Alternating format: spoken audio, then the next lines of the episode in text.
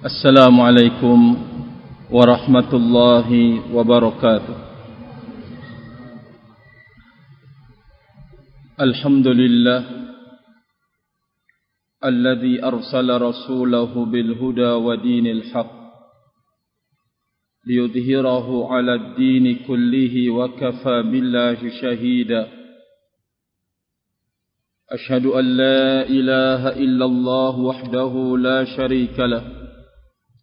إقرارا به وتوحيدا.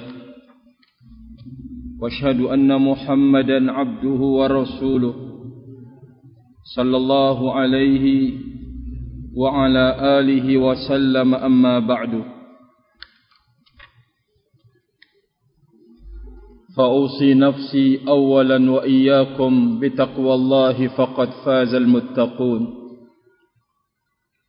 قال الله عز وجل في كتابه يا أيها الذين آمنوا اتقوا الله حق تقاته ولا تموتن إلا وأنتم مسلمون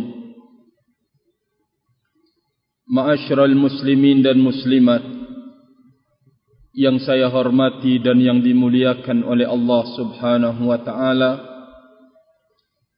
Alhamdulillah kita kembali mendapatkan nikmat dari Allah Subhanahu wa taala. Nikmat ketaatan kepada Allah Subhanahu wa taala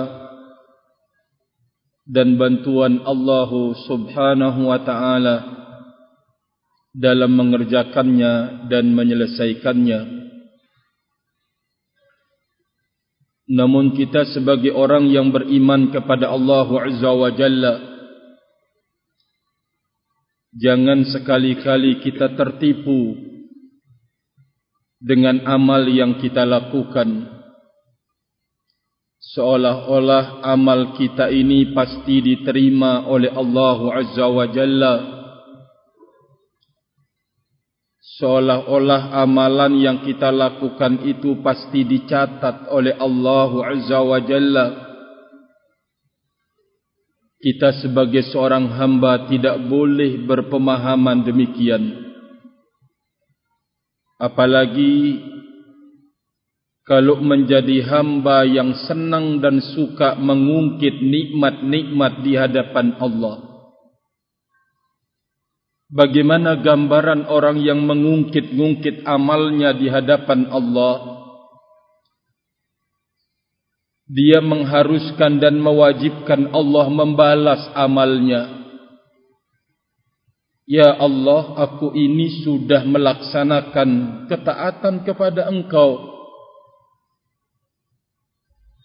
Kami sudah berbakti dan melaksanakan perintah engkau pantas aku untuk masuk ke dalam surgamu atau pantas saya untuk mendapatkan pertolonganmu ini adalah mengungkit-ungkit amal solehnya, amal kebajikannya di hadapan Allah Azza wa Jalla. Dan ini tidak boleh dilakukan oleh seorang hamba. Akan tetapi seorang hamba harus merasa muflis Merasa orang yang bangkrut di hadapan Allah Azza wa Jalla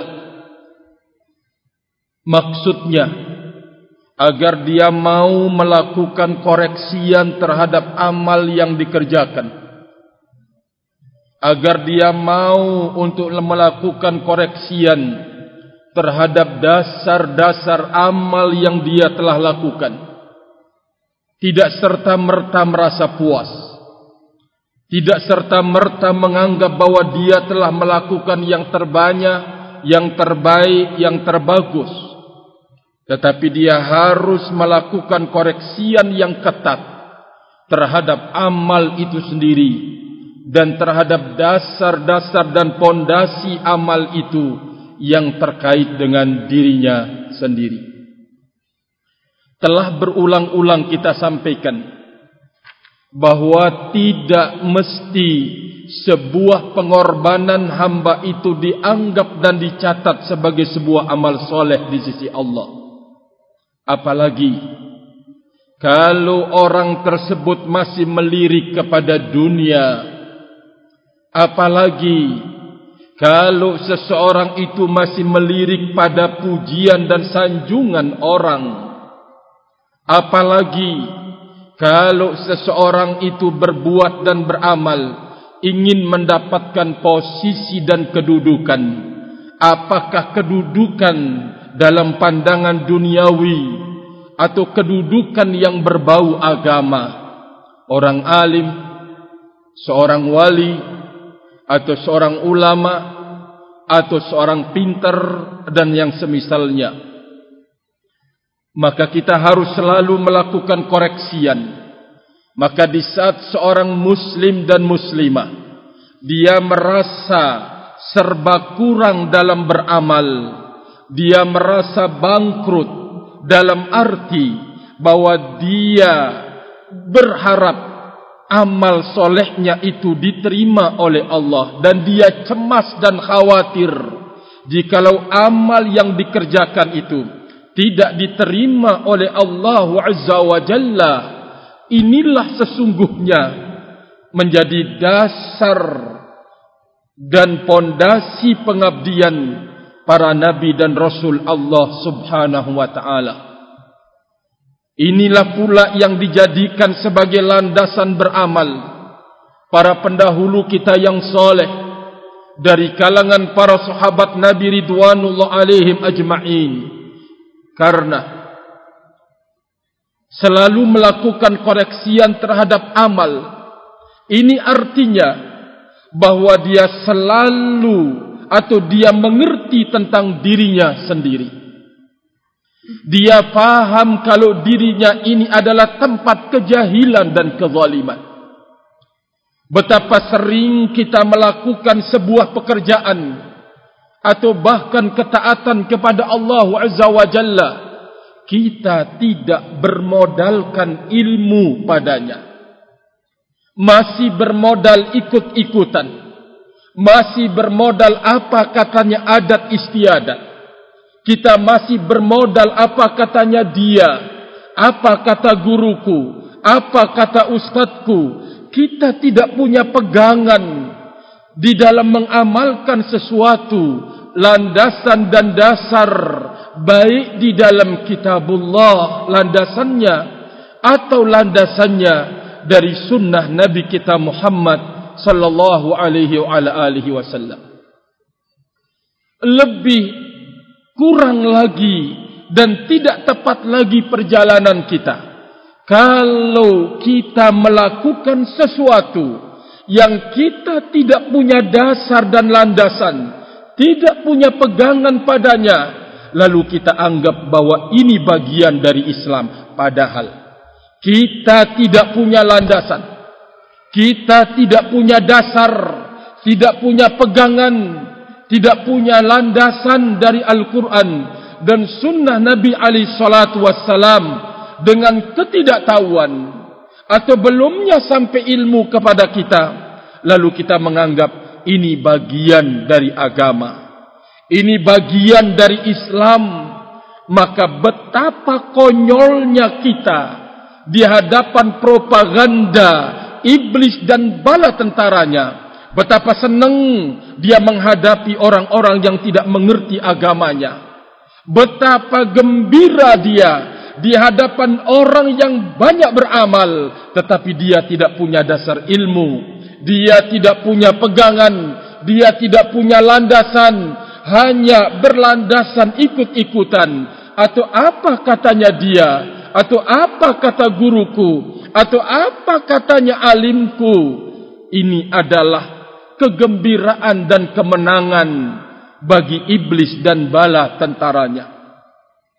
Ma'asyiral muslimin dan muslimat yang saya muliakan kita ingin merdeka di dalam hidup ini. Kita ingin berbahagia di dalam hidup ini. Kita tidak ingin dijajah kembali oleh penjajahan lebih besar dari apa yang telah menjajah para pejuang-pejuang negeri ini. Dari penjajahan Belanda atau Inggris atau Jepang kita ingin merdeka selama-lamanya. Maka Allah Azza wa Jalla telah menitipkan landasan-landasan kemerdekaan bagi setiap muslim dan muslimah.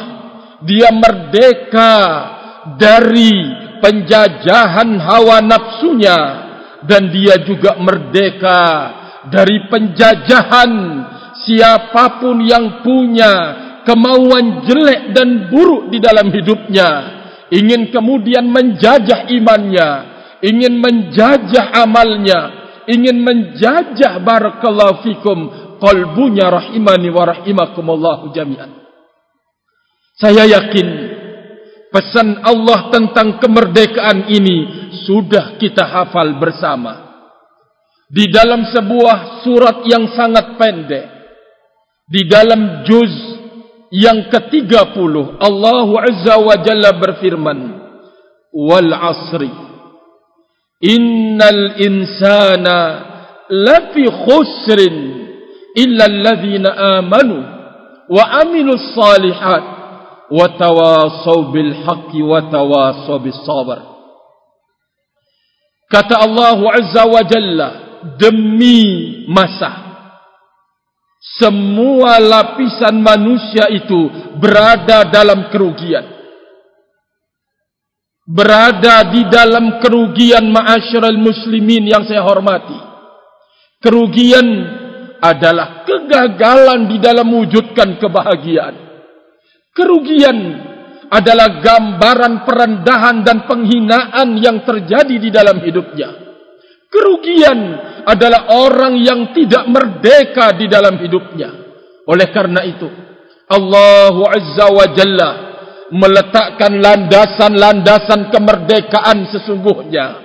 Kemerdekaan secara pribadi, kemerdekaan sebagai keluarga atau masyarakat atau bangsa dan negara.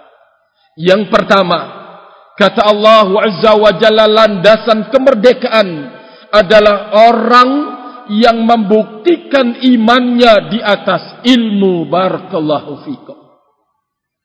Bukan iman hanya sekedar ikut-ikutan. Bukan iman apa katanya orang. Bukan iman karena mungkin hasil membaca dari kitab-kitab yang kita sendiri tidak tahu bagaimana landasannya, kemana arahnya, betapa banyak buku-buku yang mendidik kita untuk percaya kepada takhayulat. Takhayul-takhayul khurafat-khurafat itu yang kita baca. Itu yang kita dalami. Itu yang kita jadikan sandaran. Sehingga setiap yang terkait dengan hidup khurafat larinya. Takhayul larinya.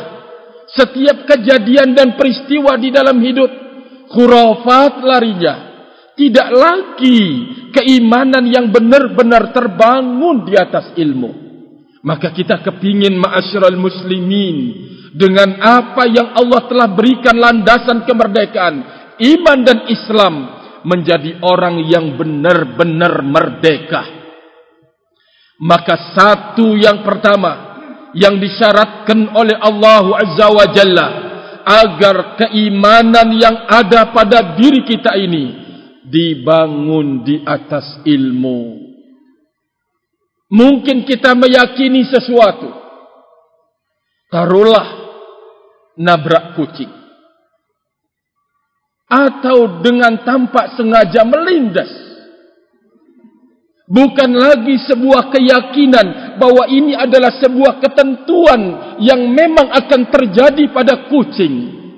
Atau yang terjadi pada orang yang sedang mengendarai itu. Tapi dia melarikan kepada khurafat. Dia larikan kepada khurafat.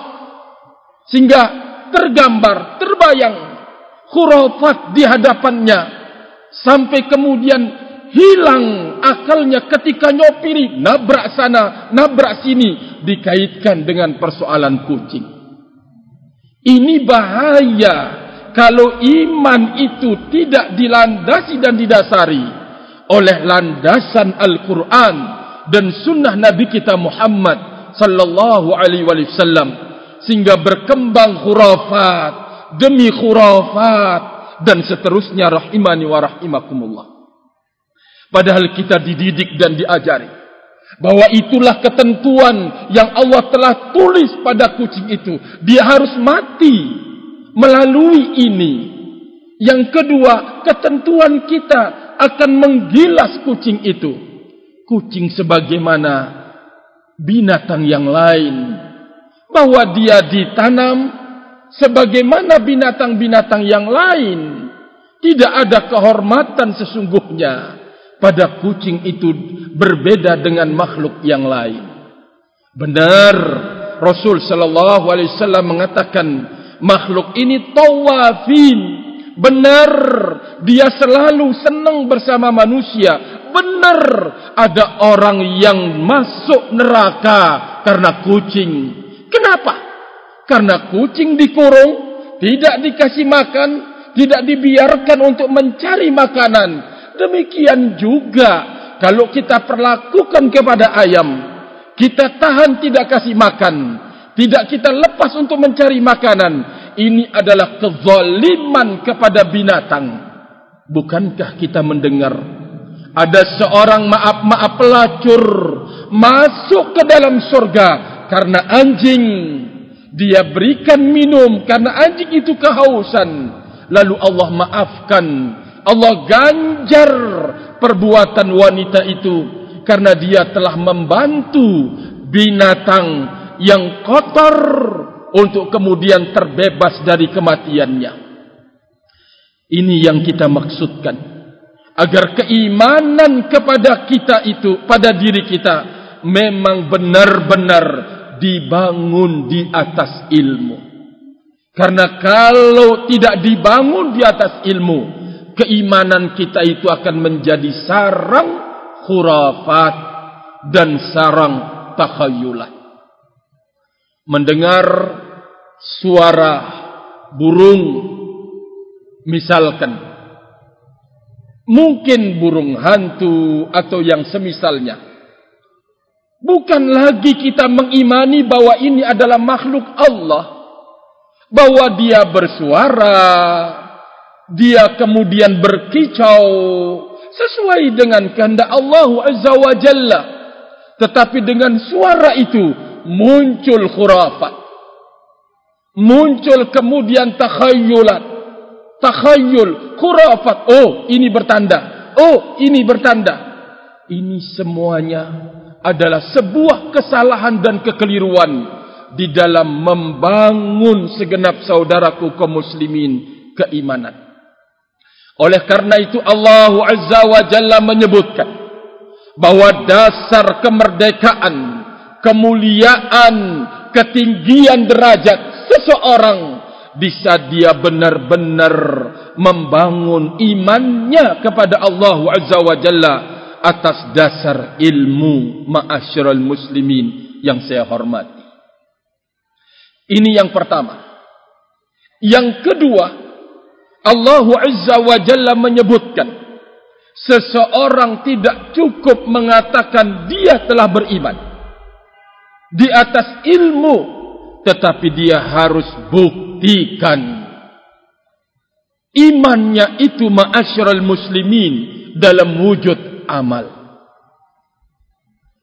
Maka sebuah sunnatullah bagi siapapun yang ingin membuktikan iman yang sebenarnya, dia akan harus berhadapan sebagaimana yang dihadapi oleh para nabi dan rasul. Para nabi dan rasul mendapatkan celaan dan cercaan.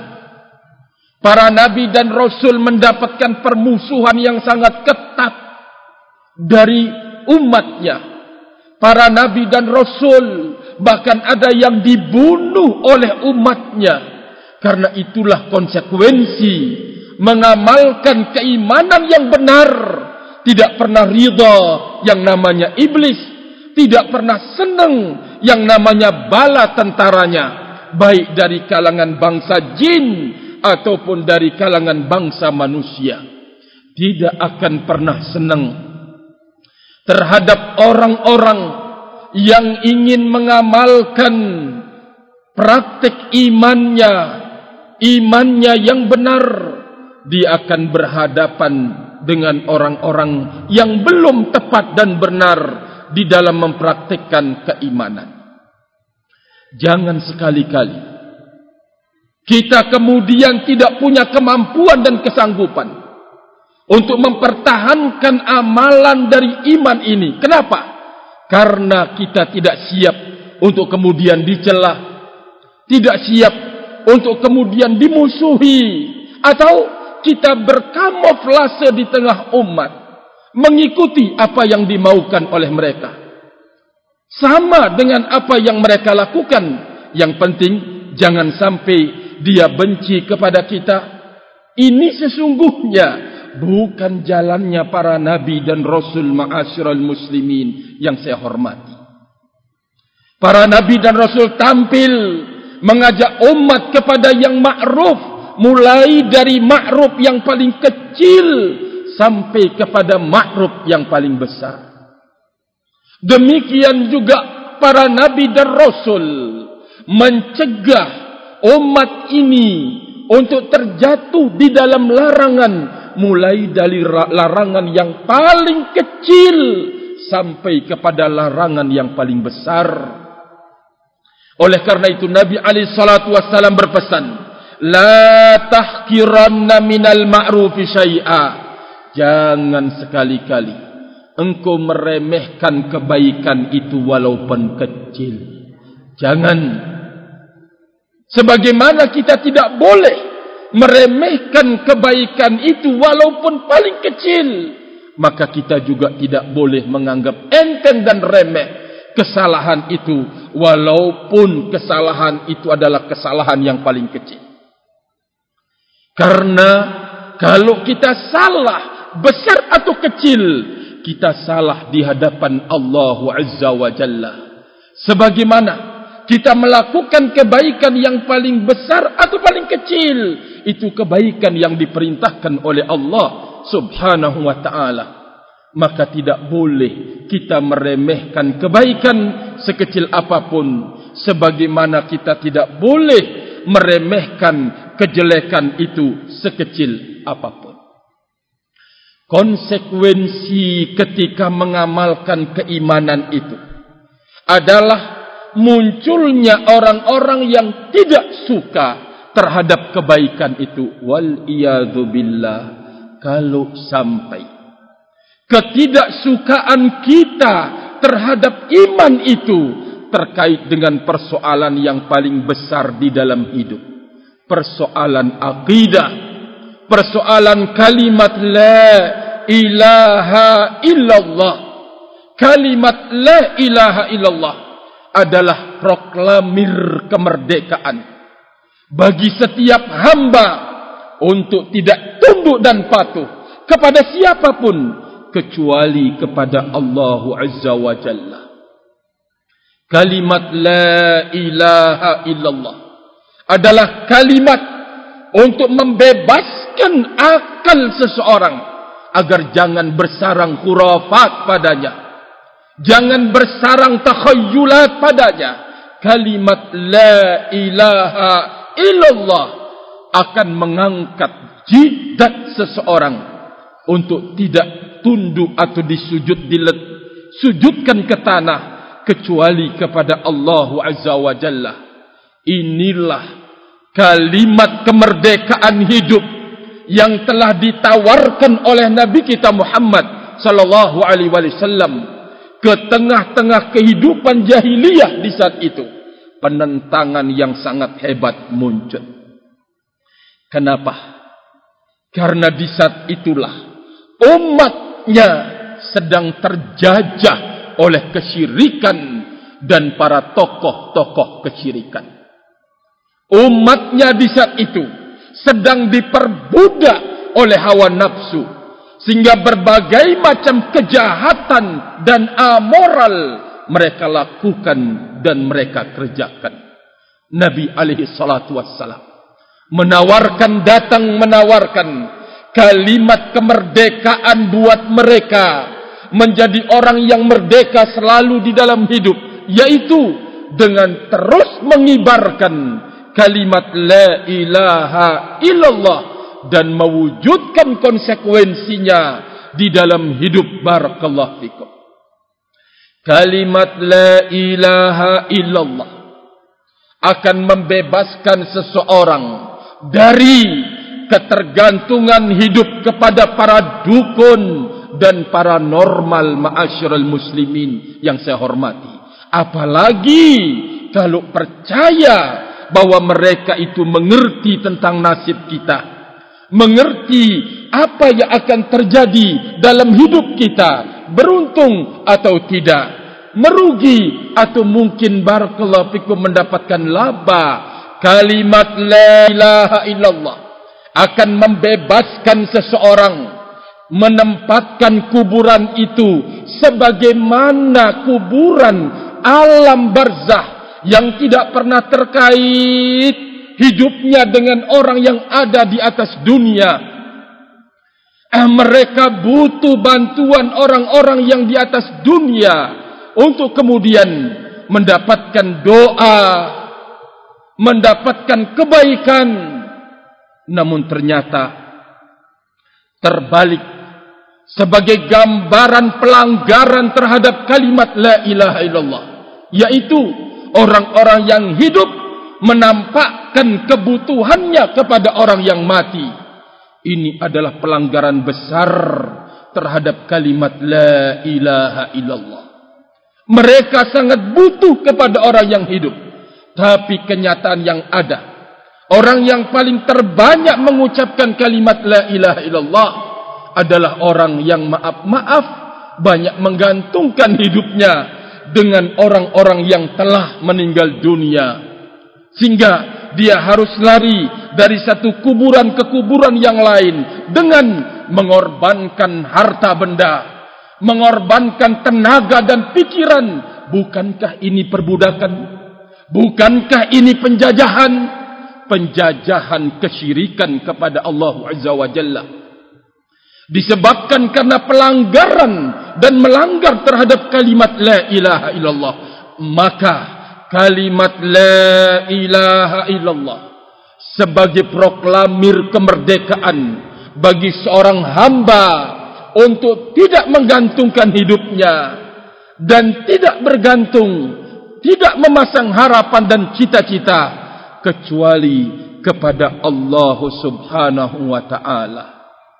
Ma'asyiral muslimin yang saya hormati kalimat la ilaha illallah akan membebaskan seseorang dari perbudakan kepada bangsa jin. Betapa banyak kita menjumpai dan menemukan orang-orang yang bekerja sama dengan bangsa jin untuk kemudian memuluskan jalan pengerusakan dia. Di antaranya adalah para tukang-tukang sihir yang terus bekerja sama dengan bangsa-bangsa jin untuk memuluskan niat-niat jahat dan buruknya. Maka oleh karena itu segenap saudaraku kaum muslimin maka kalimat la ilaha illallah membebaskan kita dari orang-orang yang dikatakan saharah para tukang-tukang sihir tidak percaya terhadap ilmunya Demikian juga para dukun dan tukang ramal. Maka di saat kemudian kita tidak lagi mengindahkan kalimat la ilaha illallah dan kandungannya sebagai amalan di dalam keimanan mau menikah lari ke dukun cocok enggak dengan wanita ini atau tanggal pernikahannya lari ke dukun. Ya Allah. Betapa kita ini dijajah. Sampai kemudian kita disuruh untuk melakukan pendekatan diri kepada bangsa jin. Sebagaimana mereka mendekatkan diri kepada bangsa jin yang akan siap membantu mereka. Maka termasuk cara bantuannya adalah para bangsa jin itu mencuri pendengaran dari langit, menyambar, mengambil berita-berita dan informasi yang ada di langit untuk kemudian dikirim kepada para dukun. Terkadang benar, iya, dia akan mencampur dengan seratus kedustaan, kata Nabi Sallallahu Alaihi Wasallam. Tapi tobiatnya manusia kata para ulama. Tidak lagi mengindahkan seratus kali berdusta. Tetapi dia mengambil sekali menang. Sekali benar. Sekali tepat. Ini yang diambil dan dijadikan rujukan. Sementara seratus kali campuran kedustaan. Tidak diindahkan oleh manusia itu. Ya Allah. Sungguh kita telah diperbudak dan telah dijajah dan penjajahan ini adalah lebih berbahaya. Kalau dulu orang-orang tua kita dijajah oleh Belanda, Inggris dan Jepang tidak sampai menusuk ke lubuk hati kita penjajahannya. Kenapa? Karena jiwa juang dan untuk merdeka selalu tertancap di dalam batin. Tapi sekarang yang pertama kali dihujam oleh penjajahan kekufuran dan kesyirikan adalah sekerat daging. Segumpal darah itulah hati. Maka di saat kemudian dihujam sekerat daging akan menjadi pemimpin terhadap seluruh jasad kita. Dialah yang akan menjadi sang pemerintah dan sang komando terhadap seluruh organ-organ tubuh yang kita miliki. Wajib bagi kita ma'asyiral muslimin untuk melakukan perbaikan terhadap keimanan kita, terhadap akidah kita. Kita ingin lepas dan kita ingin bebas dari penjajahan hidup yang lebih mengerikan dan men- men- menakutkan dari penjajahan Belanda, Inggris dan Jepang yaitu merdekanya diri kita ini lahiriah kita dan batiniah kita dari perbudakan kepada hadapan iblis dan bala tentaranya sekaligus perbudakan hawa nafsu yang ada pada diri kita. Sekali lagi saya mengingatkan bahwa keimanan itu harus dibangun di atas ilmu. Dan setelah itu tidak akan berarti keimanan di atas ilmu itu kalau tidak mewujudkan dan membuahkan amal. Konsekuensi di dalam beramal itu adalah besar. Kita harus siap untuk kemudian dicelah dan dicerca. Kita harus punya kesiapan untuk kemudian dimusuhi. Bahkan siap untuk kemudian nyawa yang menjadi taruhannya. Itulah konsekuensi dari mengamalkan iman yang dibangun di atas ilmu segenap saudaraku kaum muslimin yang saya hormati. Di atas iman di atas ilmu itu.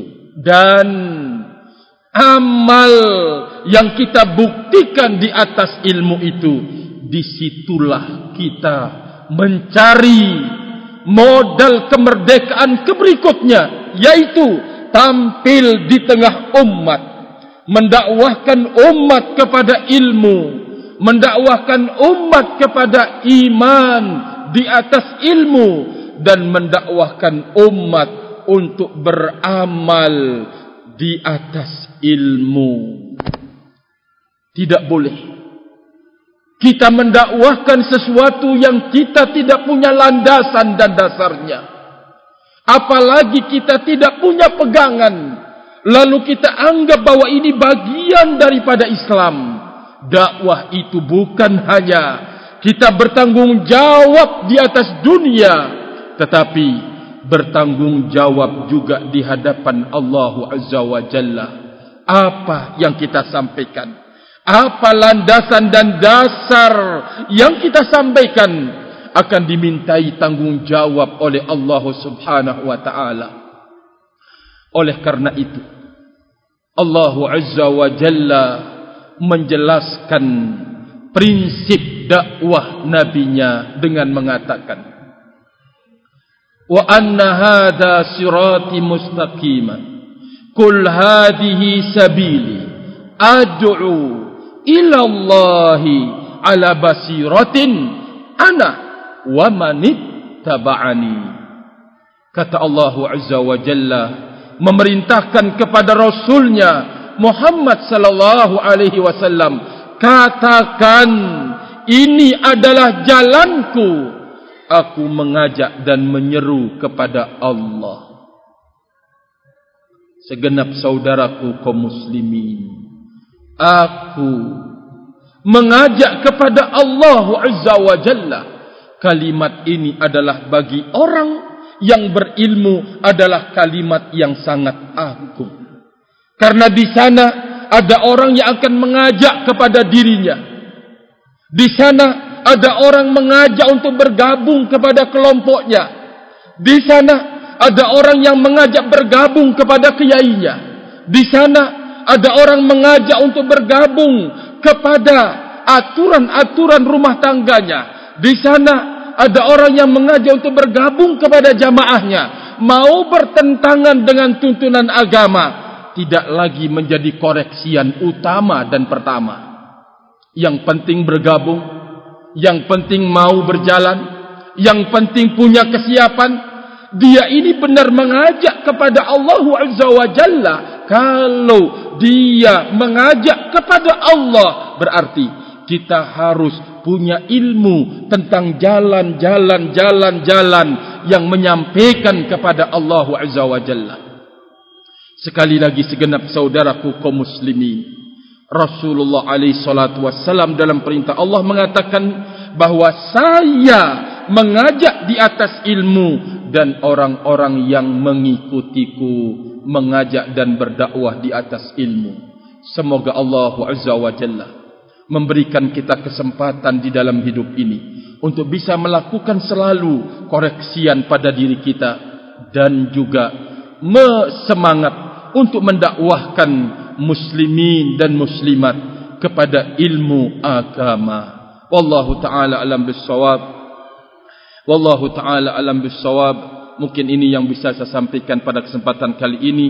Semoga ada manfaatnya buat diri saya sendiri dan segenap saudaraku kaum muslimin dan muslimat. Wa akhiru da'wana anil hamdulillah subhanakallahumma wa bihamdika.